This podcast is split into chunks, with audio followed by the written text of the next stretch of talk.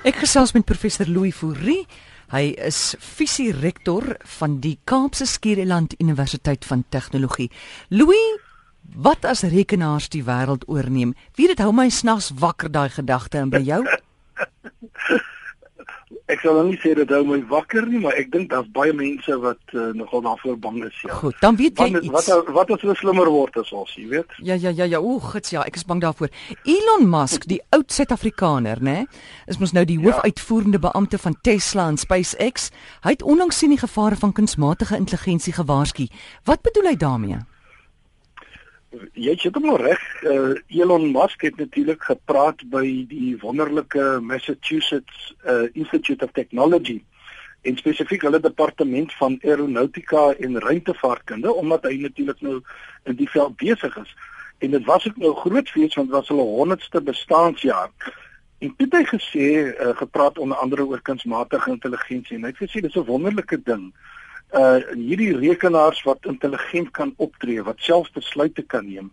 Maar toe sê hy ook dat hy dink in kunsmatige intelligensie of kom ons sê slim masjiene is die mens se grootste eksistensiële bedreiging ooit. En uh dit is sy woorde wat ek direk aanhaal en hy Hmm. sê ons moet verskriklik versigtig daarmee omgaan. Nou sy sy standpunt is nie vir my onverwags nie want so hele tyd terug al, ek dink uh, dit was uh, vroeg in die jaar het hy ook getweet uh, oor kunsmatige intelligensie. Ek was nogal vreeslik verbaas, maar het hy getweet en gesê kunsmatige intelligensie volgens hom is gevaarliker as kernwapens in die wêreld. Jo. Dit is 'n dis nou 'n baie wil ek sê 'n dapper stelling wat hy gemaak het. So Louis, ons kan sê kunsmatige intelligensie is nou die rekenaars wat besluite neem, né? Ja, kyk, dis nou waar ons die mense intelligensie wil ek amper sê simuleer of namaak Goed. en dat die rekenaar kan self leer en hy kan self dink en hy kan self besluite neem en opdragte uitvoer sommer by homself. Ja. Nou eh, hierdie eksistensiële bedreiging, is hy alou wat nou so sê en en wat beteken dit? Weet jy, ek uh, hy's nie heeltemal alleen nie. Ek moet ook sê ek was verbaas. Weet jy, weet hierdie Elon Musk, ek is so trots dat hy 'n Suid-Afrikaner is. Ja. En hy uh, hy's so groot innoveerder. Jy weet, hy's die man wat PayPal uh, hy's die man wat die Tesla groen motor ontwikkel het. Hy's die man wat vir NASA nou die uh, SpaceX ruimtevuurpyle bou wat die die aanvullings doen uh uh na die ruimtestasie. So hy's 'n verskriklik innoverende man. So ek was baie verbaas, maar hy's nie alleen in sy kommer nie. As hy nou alleen was, dan sou ek nog gesê het, ek dink hy het so 'n bietjie uh te veel goed gelees.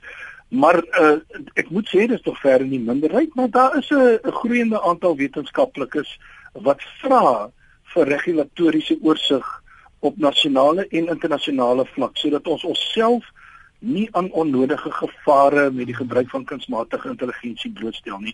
Hy sê ons uh, ons moet ons moet regtig moet ons dit begine beheer en versigtiger wees. Nou dis nie uh, dis a, dis al 'n ou tema bedoelende dat as jy nou kan terugdink na 'n flieks, baie flieks so Space Odyssey waar die rekenaar helm ons totale beheer oorgeneem het en uh, baie boeke is daaroor geskryf. So die, baie mense het al die tema ontgin dat daar's 'n dag wat rekenaars ons lewe oorneem en ek dink by alle mense sit daar maar so effense vrees hieroor. Mm. Nou die Switserse filosoof Nick Bostrom het onlangs 'n boek oor superintelligensie gepubliseer. Wat is sy siening oor kunsmatige intelligensie? Weet jy Nick Bostrom is 'n is 'n baie interessante boek en daar's baie kritiek ook op die boek moet ek sommer vooraf sê, maar hy argumenteer dat indien uh die intelligensie van rekenaars die van mense verbysteek, dan kan hierdie nuwe superintelligensie uh, uh mense as die dominante lewensvorm op aarde vervang. Met ander woorde, ware intelligente masjiene uh ontwikkel hulle vermoëns veel vinniger as die rekenaarwetenskaplikes wat hulle programmeer. En dan gebruik hy die voorbeeld en hy sê soos die lot van gorillas, deesdae nie meer meer van die mens afhang as van die aksies van gor gorillas self. Mm. Sal die lot van die mens dan in die toekoms meer afhang van uh superintelligente masjiene as wat dit afhang van die mens homself. Hy sê dit gaan ons uh, vervang. Dit is maar die die logiese konsekwensie. Nou hy's hy's ook nie alleen nie want uh, ek het al gepraat, ek en jy daaroor gepraat, Ry Kurzweil, die futurist uh, wat die enkelvoudigheid uh, die uh, enkelvoudige teorie opgestel het. Hy het dieselfde gesê dat mens dat daar 'n tyd wat hierdie intelligensie ons gaan verbysteek en al die probleme van die wêreld sal oplos, al die siektes sal oplos en so meer. En daar's nog wetenskaplikes so Stephen Hawking, die bekende Stephen Hawking en uh, Max Tegmark. Hulle hulle glo ook dat daar 'n tyd dat superintelligente masjiene slimmer as ons gaan wees. Dink jy daar's meriete in hierdie waarskuwings? Weet jy, uh, kunsmatige ek moet eers sê kunsmatige intelligensie is 'n ongelooflike en dit het regtig ons lewens verbeter. Dit is dit ek dink dit gaan nog meer outomaties verander.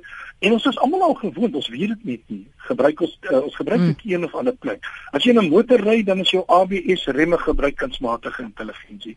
Die nuwe motors met hierdie outomatiese volgafstand beheer wat jy nie toelaat om te naby in die uitlaatpyp van die volgende ou te ry nie. Uh, dit is kunsmatige intelligensie. Die nuwe ongeluksvermydings uh, tegnologie is kunsmatige intelligensie. Vliegtuie gebruik 'n groot mate kunsmatige intelligensie. Die wasmasjiene wat besluit hoe moet hy was afhangende van hoe vuil jou wasgoed is uh, van sommige van die wasmasjiene. Dis kunsmatige intelligensie. En dit's dit's talle wonderlike gebruike. So ek sou nie so ver soos Musk gaan om te sê dat uh, kunsmatige intelligensie so goed is om 'n bose gees op te roep wat ons nie kan beheer nie. Hy het die voorbeeld ook gebruik. Hy sê, "Man, ons probeer die bose geeste in die flieks altyd besweer met een of ander ding, ons kry dit reg nie." Maar uh ek sal wat ek tel wat ek dink wat hulle wel reg is, dat sodra masjiene menslike vlak van intelligensie en die kognitiewe vermoëns van mense bereik of verbysteek, dan dink ek gaan dit vir ons moeilik wees om hierdie superintelligente masjiene te beheer. Want hierdie masjiene kan self leer. Hulle gebruik byvoorbeeld neurale netwerke, hulle kan hulle eie doelstellings formuleer, hulle kan hulle eie doelstellings nastreef, hulle kan besluite neem. En ek ek dink daarom uh moet ons maar tog in 'n mate versigtig wees. Uh ek dink uh, uh die tans is die mees gesofistikeerde masjiene nog beperk in hulle uh, in in die mate waartoe hulle intelligent is, maar die risiko is sodanig dat ons moet begin ek dink ons moet baie doelbewus in die manier hoe ons uh, waardes inbou in ons programmering moet ons positiewe waardes begin inbou anders gaan dit vir ons in die moeilikheid laat beland ek glo dit nie dis die grootste gevaar nie as jy vir my vra wat daar groter gevaar is ek ja ek dink nano en biotehnologie wat nou vir oorlogdoeleindes gebruik word is baie groter gevaar as superintelligente rekenaars of masjiene. Ja. Uh, ek dink dit is die grootste ding nie. En wat van beerdkrag? praat jy. Dit lê ons almal lank ja. beerdkrag op die oomblik. Kom ons kyk nou na die onmiddellike Ja ja nee, ons ook. Kom ons kyk na die onmiddellike gevaar. Gaan iets anders Louis? Nou wat moet ons doen om te verseker dat kunsmatige intelligensie nie 'n bedreiging word nie? Ek het 'n minuut en 'n half. Dit's twee kortlikse dinge. Die wie die eerste ding is waaroor wat ek reeds aangeraak het en gesê het ons sal seker maak dat daar 'n sterk regulatoriese oorsig is op nasionale en internasionale vlak En veral waar die goed deesdae gebruik word hierdie slim bomme en uh, hierdie slim uh, jy weet vliegtye wat sonder eh, 'n uh, persoon vlieg, die sogenaamde drones, ons moet dit daar baie fyn dophou en reguleer. Die tweede ding dink ek is belangrik dat as ons programmeer, dan moet ons sorg dat dit uh die welwese van die mens uh, in gedagte gehou word. Nou dis nie maklik nie, want sodra jy uh hierdie uh, programmering uh, wil ek amper sê in implementeer uh, teerbare kode vertaal dan begin uh, die goed soms 'n bietjie verkeerd loop. So dis nie so maklik nie maar ons moet dit doen ons moet dit in gedagte hou. As jy nou kyk na die woord mens dom nê daai dom. Ek dink die mens dom gaan jy weet maak masjiene wat dan nou so slim is dat hulle dit self nie eens kan beheer nie Ek ek dink dit is ek dink dit is goed moontlik dat ons en uh, dat ons baie mense wat sê ons word al hoe afhankliker van masjiene en ons self ontwikkel nie meer ons intelligensie. Ek glo ons ontwikkel ons intelligensie op ander maniere as vroeër, maar Uh, nou ja, dit kan sou wees dat baie van ons lui word, jy weet. Ja. Uh, uh, jy, jy weet mos die mense gesê hoe moeg is hulle die dag toe die rekenaars by die werk al was. Want hulle moes dink.